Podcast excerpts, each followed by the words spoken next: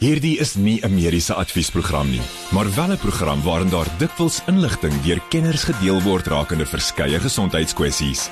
Vir persoonlike raad of advies, raadpleeg jou mediese dokter of sielkundige. Groot trauma met Pieter Kloete en dokter Jaco van die Kerk op Groot FM 90.5. Dis daardie van die week waar ons bietjie mediese nuus gesels en saam in die ateljee is altyd die mediaanbieder van Groot Trauma, Dr. Jaco van die Kerk wat natuurlik sy praktyk het in Montana en ook die direkteur van Traumet 24 die trauma eenheid by Montana Hospitaal. Jaco, altyd lekker dat jy is. Dankie Pieter, lekker om hier te wees. Jaco, ons kyk nou so 'n paar nuus stories wat nuus gemaak het en ek wil bietjie hoor wat jou opinie daaroor. En ons begin so met Chris Hani Baragwana Hospitaal wat lyk my net nie uit die nuus uit wil bly nie.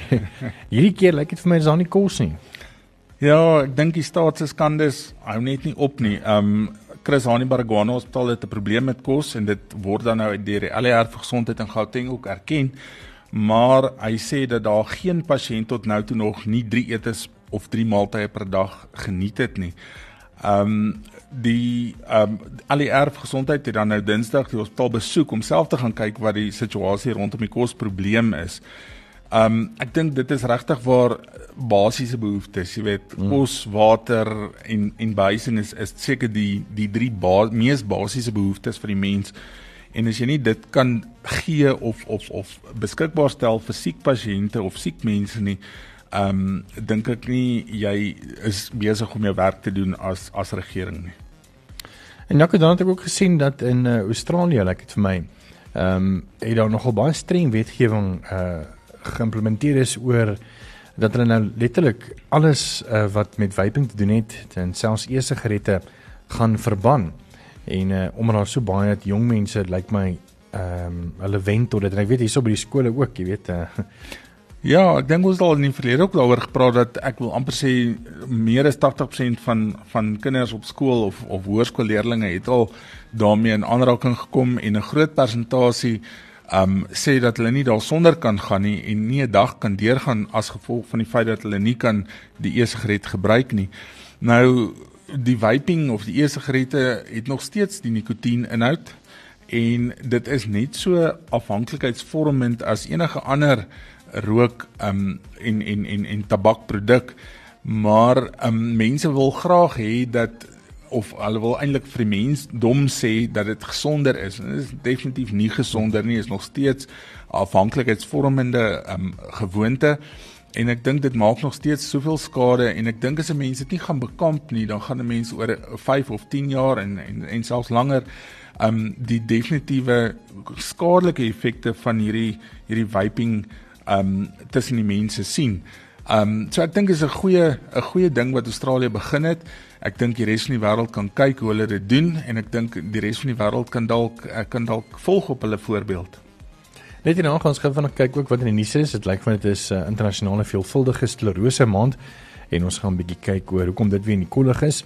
En dan ook oor tegnologie. Ons het nou al reeds so 'n onderhoud gehad ehm um, hieroor in die verlede. Maar ons gaan vanaand weer kyk oor wat in die nuus is in verband met uh, tegnologie wanneer dit kom by urologie en robotiese toerusting. So bly gerus ingeskakel daarvoor. Groot trauma met Pieter Kloete en dokter Jaco van die Kerk op Groot FM 90.5. Ons kyk nou so 'n paar nuus stories wat nuus gemaak het en ek hoor 'n bietjie wat is dokter Jaco van die kerk se opinie daaroor. Nou ons het al in die verlede, ek dink omtrent so 2 maande terug ook um, iemand in die ateljee gehad om te praat van urologie en oor hoe robotika ehm um, gebruik word en dit lyk my dit is net nog 'n uh, 'n stap nader aan uh jy weet 'n uh, minimum minimum invasive surgery. Mm. Ehm mm. um, en dit lyk vir my dat Pretoria Oos het ook nou ook uh, vir hulle een van hierdie robotiese stelsels ingesit lyk dit vir my. Ja, Pieter, um, by Pretoria Oos Hospitaal is die Da Vinci stelsel ingesit en hierdie stelsel of of robotiese of roboties geassisteerde chirurgie word dan nou veral gebruik vir algemene chirurgiese prosedures sowel as urologiese prosedures. So hierdie kolorektale operasies, al die kolonkankers en rektale kankers en en en reseksies wat dan eintlik altyd groot en moeilike operasies was um, en oop operasies was um word dan nou verbeter of vergemaklik met hierdie robot geassisteerde chirurgie. Maar ook die urologiese chirurgie het heeltemal verander met hierdie robotiese chirurgie tegnieke. Um veral waar hulle dan nou begin praat oor oor um prostaatkankers, um waar hulle pelviese vloer operasies, pelviese vloer herstelle doen, um baie van die nierprosedures en dan selfs gewone liesbreek herstelle wat baie makliker en beter gedoen kan word um volgens almal wat dan nou met hierdie operasie tegniek al gewerk het. En dan is my maand natuurlik ook ehm uh, bewusmaking vir internasionale veelvuldige sklerose maand wat jaarliks in Mei gevier word en die kollig op die siekte plaas natuurlik die wêreldekonomie 'n geskatte 90 miljard dollar per jaar uh, wat dit kos. En hulle sê ook dat blykbaar het um, hierdie neurologiese siekte ook in die afgelope dekade met 20% toegeneem, Jaco. Ja, Pieter, ek dink MS of multiple sclerosis of veelvuldige sklerose um is een van die moeilikste siektes wat daar tans buite in die in die mediese wêreld is. Um omdat dit so moeilik is om te diagnoseer, um dis 'n baie slegte siekte omdat selfs 10 jaar van 'n persoon se lewensverwagting kan wegneem. Nou MS enige siekte wat jy wil diagnoseer en behandel optimaal, moet jy weet waar dit vandaan kom en ons weet nie regtig hoe om dit optimaal te voorkom nie. Nou, as mense dink wat is MS, want baie mense daar wonder wat is MS of veelvuldige sklerose? MS is eintlik 'n immuunstelsel siekte waar die mielinskede of die die die beskermende laag om die senuweefesels van die sentrale senuweestelsel beskadig word as gevolg van jou eie immuunstelsel wat daarteen reageer. Dit beteken dat die oordrag van elektriese seine van senuweepunt na senuweepunt nie optimaal kan gebeur nie en dit het dan uit die aard van die saak 'n baie ernstige gevolge tot um, vir die vir die pasiënt as sulks. Nou simptome wat hierdie persone kan hê is baie keer die wat stadig progresserende veelvuldige sklerose het, sal begin eers met moegheid. Ehm um, hulle kan gevoelloos of tinteling in die ledemate hê, spierswakheid, duiseligheid of vertigo. Vertigo is maar draai duiseligheid. Hulle kan be met visieprobleme begin, hulle kan koördinasie of balansprobleme hê, spraakprobleme waar dit slepende sprake is, gebrek aan blaas en darmbeheer. Um, maar dan ook kognitiewe hindernisse soos uh verstandelike afstomping, geheueverlies en konsentrasieprobleme en daarmee gepaard gaan baie keer ook um psigiatriese probleme soos depressie, angstigheid omdat die mense agterkom hulle gaan agteruit. Um MS het 'n het 'n verskrik verskriklike moeilike diagnose en en daarom word daar's nie 'n enkele ding wat jy kan toets en nou sê jy het MS nie. So dit word gekombineer met obviously die kliniese beeld. Hulle doen 'n MRI wat spesifieke letseltjies wys in die brein. Ehm um, daar word dan uit die aard van die saak ook 'n SSV of cerebrospinaal vog getap soos met 'n limbale punksie waar dan ehm um, spesifiek gestoets word vir inflammasie en en en proteïene in die in die vog.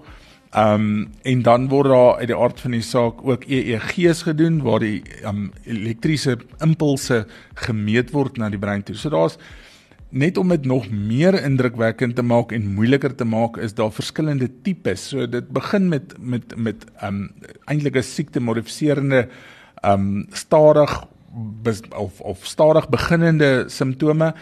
Um maar daar dit kan ook primêre progressiewe um MS wees wat dan basies eintlik 'n vinnige vinnige verloop van die siekte is.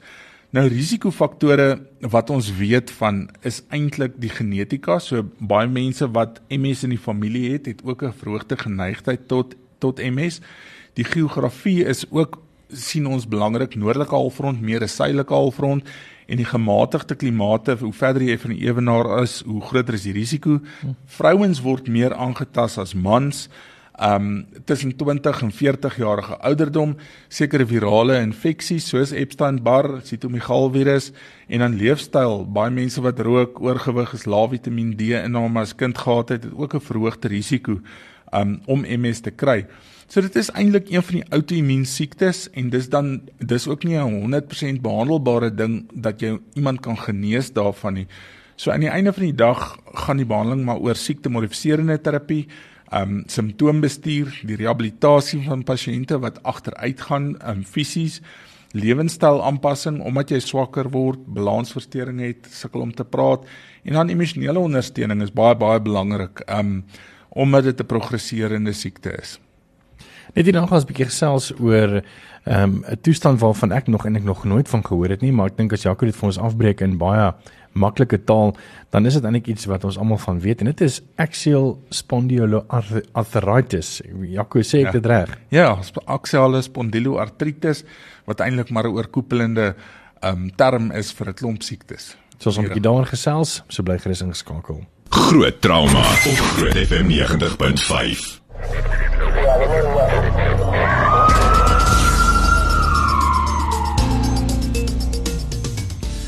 So 'n bietjie later gaan ons gesels met Maranda van Dam, sy is voorsitter van die Axial Spondyloarthritis Assosiasie van Suid-Afrika. En sy is die voorsitter daarvan en hulle doen ook 'n bietjie bewusmaking vir dit. Maar ja, ek wil sê is baie nuuskierig. Hierdie hierdie groot naam AS, wat is dit? Pieter, dit is medisyne dink ek het altyd hierdie indrukwekkende name eintlik vir vir baie keer baie eenvoudige goed.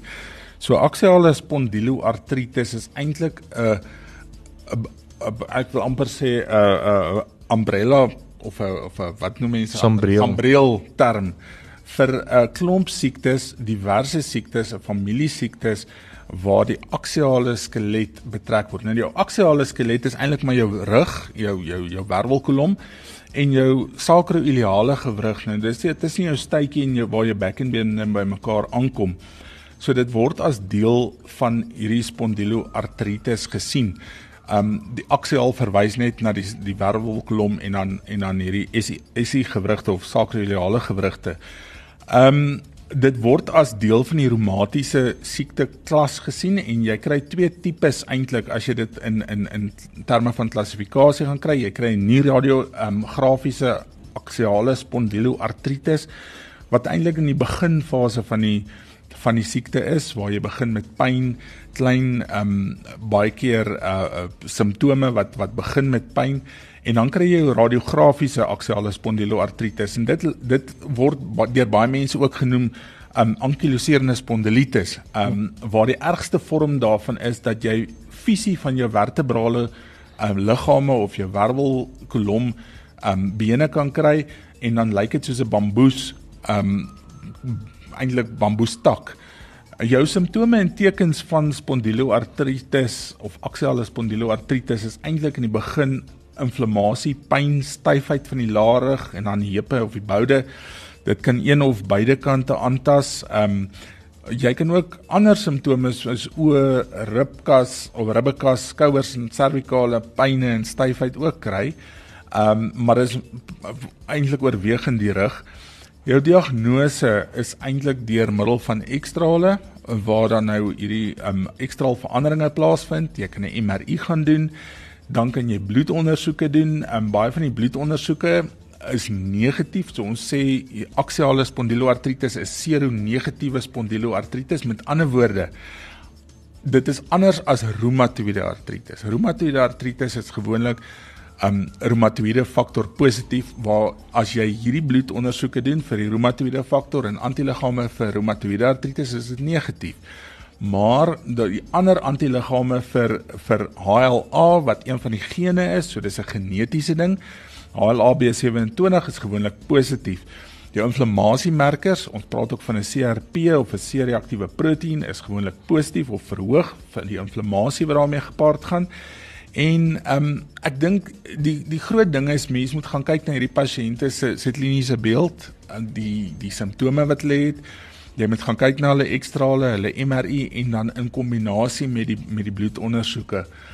Ehm um, as 'n mens gaan kyk na die prognose daarvan, dit is 'n kroniese outoimmuunsiekte ook.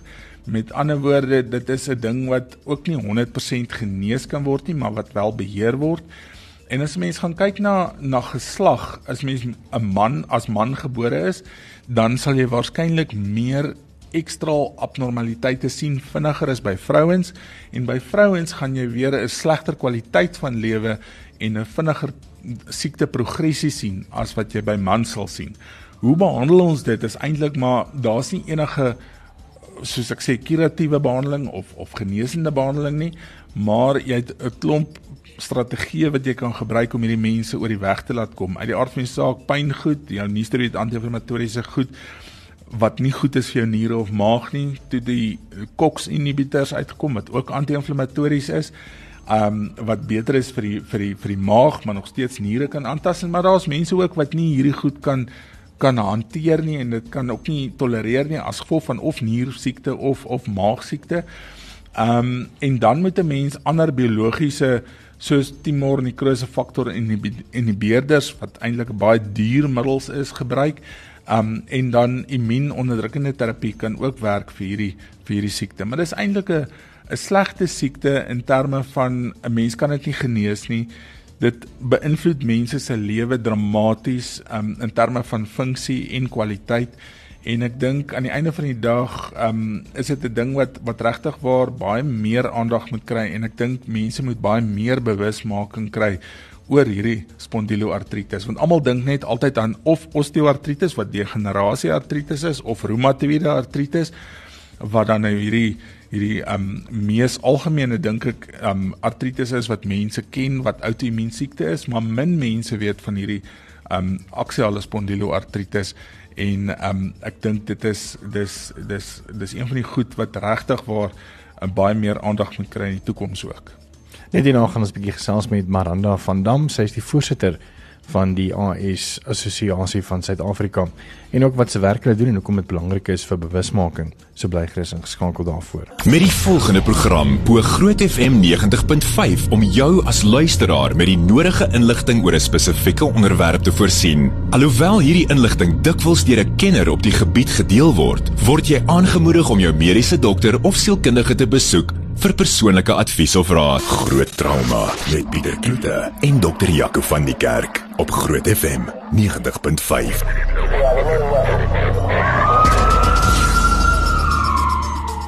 Dokter Jaco van die Kerk het uh, vroeër vir ons 'n bietjie verduidelik wat is. Um, ek gaan sommer maar die die die die verkorting gebruik, um, AXPA. Ehm um, en ook 'n bietjie waaroor dit uh weet waaroor dit gaan die meer. En dit is my lekker om nou te verwelkom Miranda van Dam en sy is die voorsitter van die organisasie Assas en uh, sy het ook 'n persoonlike storie wat al reeds in 2016 begin het.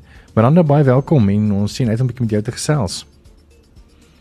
Haai, dankie Pieter en uh, dokter van Niekerk vir daai wonderlike verduideliking van ons baie ingewikkelde siekte. Ehm um, ek het omtrent in 2016 het ek uh het ek uiteindelik my diagnose my, my diagnose ontvang.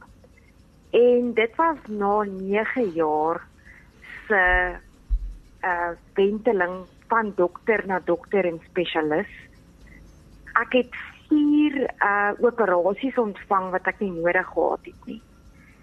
En uh jy kan jouself net voorstel om vir 9 jaar van dokter na spesialis te gaan en soos wat dokter van die kerk verduidelik het in 'n in 'n vrou is die simptome baie moeilik herkenbaar.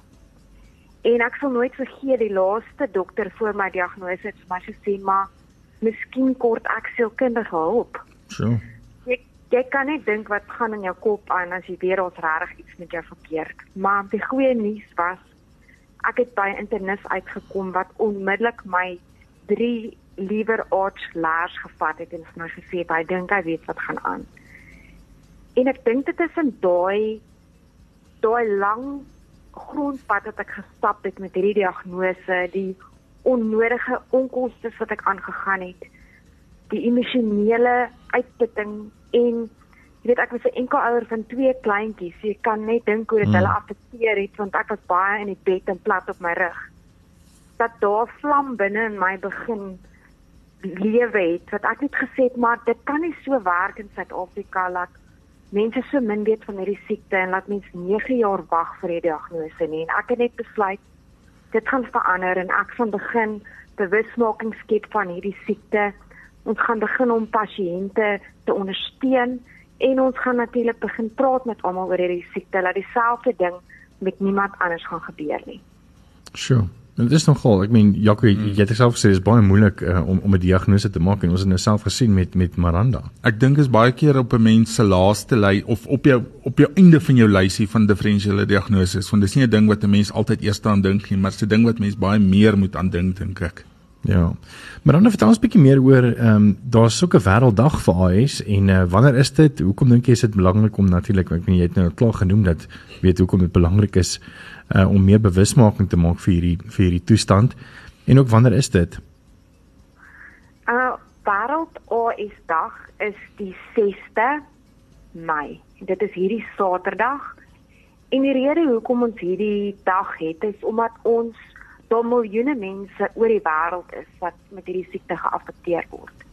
En met hierdie dag wil ons die profiel van hierdie siekte verhoog en ons wil natuurlik inligting deel en dan die laaste ding is dat ons wil met ander pasiënte soos ons bymekaar kom en dit is dan baie makliker om met iemand in die gesig te kyk wat dieselfde ding as jy dit is daai dit gee vir daai sin van saam wees. So dit is hierdie 6 Mei en julle beplan ook iets uh soos 'n stap reg oor Suid-Afrika in in seker van die hoofstede. Ja, ehm um, Pieter, uh hierdie jaar se tema is beweging met AS. So ons het gedink dit gaan baie skaflik wees vir ons om reg oor Suid-Afrika uh verskillende loop events te doen. Um ons is baie naby aan julle in Johannesburg.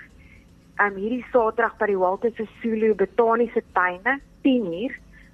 So as jy bietjie met ons wil kom gesels, wil kom deel wees van hierdie wonderlike dag, sien ons uit om julle daar te sien. En as mense meer wil weet, dan kan hulle ook natuurlik julle webblad besoek. Dit is axs en dan pasa.org.za. So dis axs pasa.org.za. En ek weet julle is ook baie aktief op eh, op op sosiale media, so mense kan sommer vir julle gaan volg op Facebook ook. Ehm um, hulle kan net soek daarso vir die groep uh, wat hulle kan join en natuurlik 'n groot naam Axial Spondi Jaco Laubkie daar met daai groot woord spondyloartritis yes. spondyloartritis dis perfek se assosiasie van Suid-Afrika so jy kan ook daai groep gaan gaan uh, gaan join daar. Hoorie Maranda baie dankie vir jou getuienis um, en dankie ook vir wat jy doen. Jy weet vir bewusmaking vir AS. Baie dankie en ons is baie bly om saam met julle vanaand te kuier. Dankie hoor. Net vir julle webblad, dis axspasa.org.za. Hierdie insetsel word geborg deur Caressa Home Nursing Care, die voorsiener van tuisverpleging en verpleging. Ken jy 'n verpleegster of 'n versorger wat gereeld sy en haar pasiënte se lewe verryk? Of het jy self kennis van versorging deur hierdie persoon? Help ons dan om aan hulle erkenning te gee. En al wat jy moet doen is om 'n geregistreerde verpleegster of versorger te nomineer en hy of sy moet in Pretoria woon en die afgelope 2 jaar 'n verskil in iemand se lewe gemaak het. Stuur die nominasie per e-pos na grootverpleegster@caressa.co.za met jou motivering oor hoekom jy hierdie persoon nomineer en hy of sy staan 'n kans om 'n maandelikse finalis te word en uiteindelik hierdie maand 2023 weg te stap met R30000 kontant van Caressa en R20000 se vakansie van Sonja Smit begrafnisdienste. BSNV's geld. Sedert 2004 is die verpleegkundiges Gerry en Vanessa Skeepers se fokus die tuisverpleging van pasiënte en bejaardes. Indien jy verkies om tuis aan te sterk na hospitalisasie, sal Care by Vanessa jou tuisverpleging met sorg bestuur. Skakel Care by Vanessa by 012 947 9799. Besoek ons op Facebook of by caressa.co.za. Professionele tuisverpleging met deernis.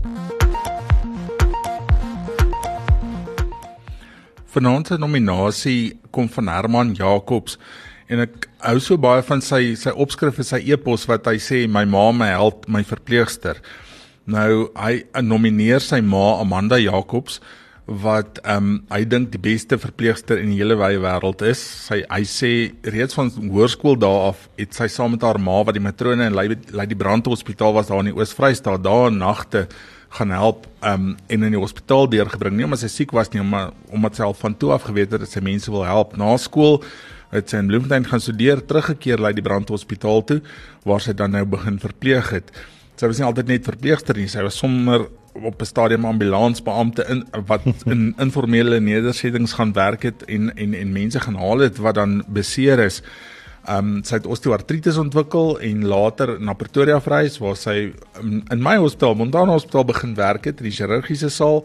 Um uit die aard van die saak het die werk 'n um, groot negatiewe effek ook op haar op haar liggaam gehad. Sy het op 48 jarige ouderdom haar eerste heupvervanging gehad en dan 9 maande daarna nog eene en toe sy verskuif na Ooginstituut toe waar sy tans um intens verpleeg en en nog steeds pasiënte help um net omdat die pasiënte self meer mobiel is as in die chirurgiese sale. Maar ek dink sy is eintlik 'n voorbeeld vir ons almal. Van voor sy nog eintlik na of klaar was met skool het sy geweet wat sy wil doen en sy het geweet sy wil mense in nood help. So Amanda Jacobs is ons nominasie vir die aand Ek wil net by sê Jaco, weet hierdie brief het my weer laat besef oor, jy weet, die belangrike werk natuurlik wat wat dokters mm. en wat verpleegsters doen. Maar die feit dat hierdie dat julle as noodwerkers letterlik pal op julle voete is elke liewe dag. Ek meen ons sit in 'n kantoor wat wat ligversorging het en seker goeders. Ek meen hoe voel dit om partykeer 12, 13 ure op mense voete te wees elke liewe dag? Ja, Pieter, ek dink dit dit vat baie van 'n mens se liggaam en en dit is regtig sleg op 'n mens se lyf. Um en ek dink die verpleegpersoneel is baie erger nog as ons. Um jy weet hulle is heeltyd besig om pasiënte nog te probeer optel en help en uh, jy weet mense wat nie kan beweeg nie. Baie keer is die mense swaar. Hulle moet hulle wil val, jy moet hulle vang, jy beseer jou rug. Jy dis dis dis ongelooflik sleg op 'n mens se lyf. En en mense weet nie altyd hoe hard hierdie mense werk nie. Um ek dink die verpleegsters daar buite en die susters daar buite, al die verpleegpersoneel is van die mense wat die hardste hartse fisiese werk het en ek ek dink ons almal kan kan eintlik net ons hoed afhaal vir hulle en sê baie baie dankie. So as jy graag nog iemand wil nomineer, Dit is uh, jou laaste kans, grootverpleegster@caressa.co.za. Met die volgende program bo Groot FM 90.5 om jou as luisteraar met die nodige inligting oor 'n spesifieke onderwerp te voorsien. Alhoewel hierdie inligting dikwels deur 'n kenner op die gebied gedeel word, word jy aangemoedig om jou mediese dokter of sielkundige te besoek vir persoonlike advies of raad. Groot trauma op Groot FM 90.5. Net vir ons oor ons laaste gesprek gesels uh oor 'n artikel wat op Netwerk 24 is. Jaco, wil ek tog net stil staan by een vraag wat eintlik maar van toepassing het op uh op op ons vraag en hmm. ons uh onderhoud wat ons gehad het met Maranda. En uh, dit gaan so het lae beendigtheid iets te doen met osteoartritis. En uh, toe ek my beendigtheid toets gegaan het, het hulle vir my gesê ek het osteoartritis. Uh, Ja, ek dink osteoartritis is is 'n entiteit op sy eie. Osteoartritis is gewoonlik 'n degenerasie artritis. Dit kom as gevolg van oorgebruik van die gewrigte of veroudering van die gewrigte waar die kraakbeen agteruit gaan en dan is dit eintlik been op been. Dis waar hoekom die ortopede dan nou die vervangings doen, die heupe en die knieë en die skouers nie goed waar lae beendigtheid is meer osteoporoties of osteoporose geassosieer. So as jou beendigtheid laag is, beteken dit die argitektuur of die bou van jou been is swakker as wat dit moet wees en jy het 'n verhoogde risiko om te breek. So osteoporose en osteoartrose of osteoartritis is nie dieselfde ding nie. Um maar 'n mens kan vir iemand sê hy het osteoartritis as hy dan um, as jy ekstrale beelde het waar die gewrigspasie en die gewrigskraakbeen agteruit gegaan het tot so 'n mate dat dit eintlik been op been is. Maar beendigtheid het hulle gewoonlik 'n telling wat ons die T-telling noem en as dit minus 2.5 of slegter is dan mens osteoporose. En osteoporose is nie seer nie totdat jy breek waar osteoartritis is seer. En dis die pynlike pynlike gewrigte So ek dink daai is die groot onderskeid tussen die twee. Ja, ek wil net om af te sluit oor 'n artikel op net 524 en uh, ek dink ek ek het dit gehou vir laaste want dit is maar weet 'n sensitiewe saak om oor te gesels. Dit gaan oor seksuele oordraagbare siektes en ek weet ons het nou op program mm. gehad om 'n bietjie meer in detail daaroor gesels het. Maar dit lyk vir my dat ehm um, daar is 'n toename in seksuele oordraagbare siektes in Suid-Afrika. Nou my vraag aan jou is weet beteken dit dat daar miskien nog meer HIV positief weer 'n vlaag kan raak of of nie? Ja, Pieter, ek dink dit is dis een van die groot goeters wat daar wat daar buite omgaan op hierdie stadium. Ehm um, as mens dan kyk na die artikel op Netwerk 24 sê hulle die departement gesondheid sê daar's 'n toename in gevalle van manlike uretritis sindroom. Nou dit kan enigiets wees van gonokokale infeksie of gonorree tot ehm um, nie gonorree-agtige uretritis of of of ehm um, afskeiding van die van die genitale area. Um en dit is van 5000 amper sê 5500 in Februarie 2022 na net oor die 6000 in Februarie hierdie jaar wat dit vermeerder het. Nou die oomblik wat jy wat jy dit sien, weet jy jy gaan ook al hierdie virus siektes wat jy nie altyd sien nie, gaan jy 'n verhoogde risiko voor hê. Um ek dink een van die mites daar buite is dat jy gaan weet as jou as jou sekspartner 'n seksueel oordraagbare siekte het en dis nie altyd die waarheid nie. Um as mens gaan kyk na goed soos menslike papilloomvirus wat een van die algemeenste oorsake is van servikskanker, is dit baie keer 'n siekte wat 'n man kan dra sonder dat hy ooit enige simptome het, maar hy kan vir 'n vrou dit oordra en sy kan servikale kanker ontwikkel. Die ander dinge is um mense dink ook en en ek dink dis ook 'n mite daar buite dat as jy 'n kondoom gebruik dat jy jouself vrywaar van seksueel oordraagbare siektes. Nou, en dis ook nie heeltemal die waarheid nie want die ding kan nog steeds skeer um daar kan steeds kontak kom met liggaamsoppervlaktes wat nie met die met die kondoom bedek word nie wat wel ook um siekte kan oordra. Um HIV uit die aard van die saak is een van die groot krisisse daar buite wat wat wat obviously as mens al hierdie ander siektes sien wat jy fisies kan sien en simptome het, um wat vermeerder gaan HIV um getalle ook toeneem. Maar wat my meer bekommer is goed soos hepatitis B en hepatitis C wat ook met seksueel oordraagbare siektes geassosieer word. En hepatitis B um word seksueel oorgedra ook met bloed, maar seksueel oorgedra en is baie meer aansteeklik as wat byvoorbeeld HIV is. En 'n groot persentasie van mense wat hepatitis B en C kry, kan oorgaan na 'n kroniese draerstaat. So hulle gaan deur hulle akute siekte maar dan begin hulle 'n draer 'n draer van hierdie hierdie virus word. So hulle simptome gaan initieel weg, maar 'n paar jaar later dan eindig hulle met lewerkankers. Ehm um, of hepatome. So aan die einde van die dag dink ek dit is 'n dis 'n baie kommerenswekkend dat mense sien dat hierdie ehm um, simptomatiese seksueel oordraagbare siektes vermeerder. Ehm um, want ons gaan ook later sien dat jou hepatitis B, hepatitis C, HIV ensovoorts gaan gaan dramaties toeneem waarskynlik. En dan nou, net om af te sluit, ehm um, hier's 'n vraag van iemand af uh, vir vir dokter Jaco. Ehm um, en ek dink ons het nou al eintlik al 'n paar keer oor gesels oor eh, provinsiale hospitale of dan staatshospitale.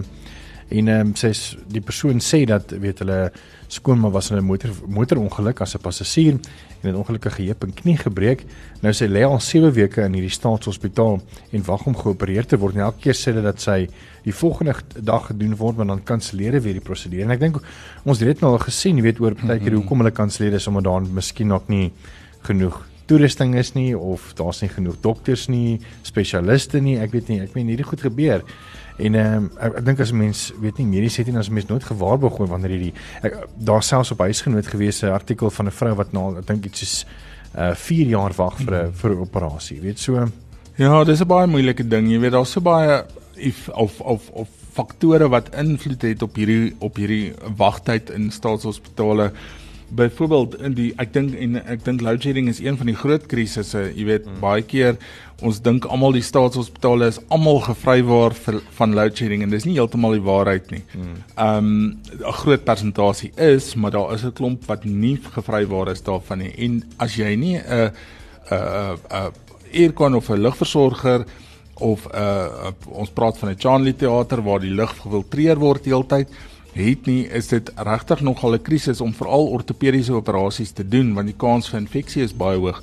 So jy sal eerder iemand uitstel as wat jy in 'n teatersaal gaan of 'n teater um, gaan gaan opereer waar daar nie 'n versorger ligversorger is nie. Ehm um, die ander ding is ehm um, obviously die die toerusting wat nodig is, die proteses wat nodig is. Baie van die staatshospitale is bietjie agter met die betaling van die verskaffers van hierdie proteses en dan gaan hulle uit die aard van die saak nie proteses vir die pasiënte hê nie. Dis 'n moeilike antwoord in ter, of of vraag in terme van wat staan 'n mens te doen? Uh, mens kan nie veel anders doen nie. Daar is ongelukkig in ons land net die staatssektor en die privaat sektor. Ehm um, en in die privaat sektor is dit beskikbaar, maar uit die aard van die saak gaan 'n mens die proteses moet betaal. En dit is die groot die groot uitgawe dink ek eintlik. As mens gaan kyk na totale vervangings byvoorbeeld 'n knie of 'n heup, dan is ek wil amper sê 80% van die van die groot bedrag is is meer vir die protese en vir die toerusting ensovoorts wat gebruik word en die minimum is vir die vir die dokter en die suster en die en die personeel wat dit doen. Ehm um, as 'n mens gaan kyk in privaat sektor kan jy enigiets tot 200 000 rand en selfs meer vir hierdie tipe operasies betaal omdat hierdie protese so duur is. So dis 'n baie baie moeilike ding. Ek stem saam dit is 'n krisis as mens 7 weke wag met 'n groot um langbeen operasie of, of frakture of of breuke. Um is mense risiko vir komplikasies ook hoër en hoe langer 'n mens lê, hoe groter is die kans veral as dit ouer mense is om nie weer uit die bed uit te kom nie, om druksere te ontwikkel en dan is jou risiko vir sepsis hoër. So ek ek stem saam dis on, dis 'n groot krisis, maar ek dink dit is 'n ding wat wat ek dink 'n algemene probleem in Suid-Afrika is en ek weet nie of daar 'n mooi antwoord daarvoor is nie. Dis dit vir groot trauma. Dankie dat jy saam geluister het. Ons is volgende week Woensdag weer saam tussen 8 en 9. Dankie dokter Jaco van die kerk. Groot trauma met Pieter Kloete en dokter Jaco van die kerk op Groot FM 90.5.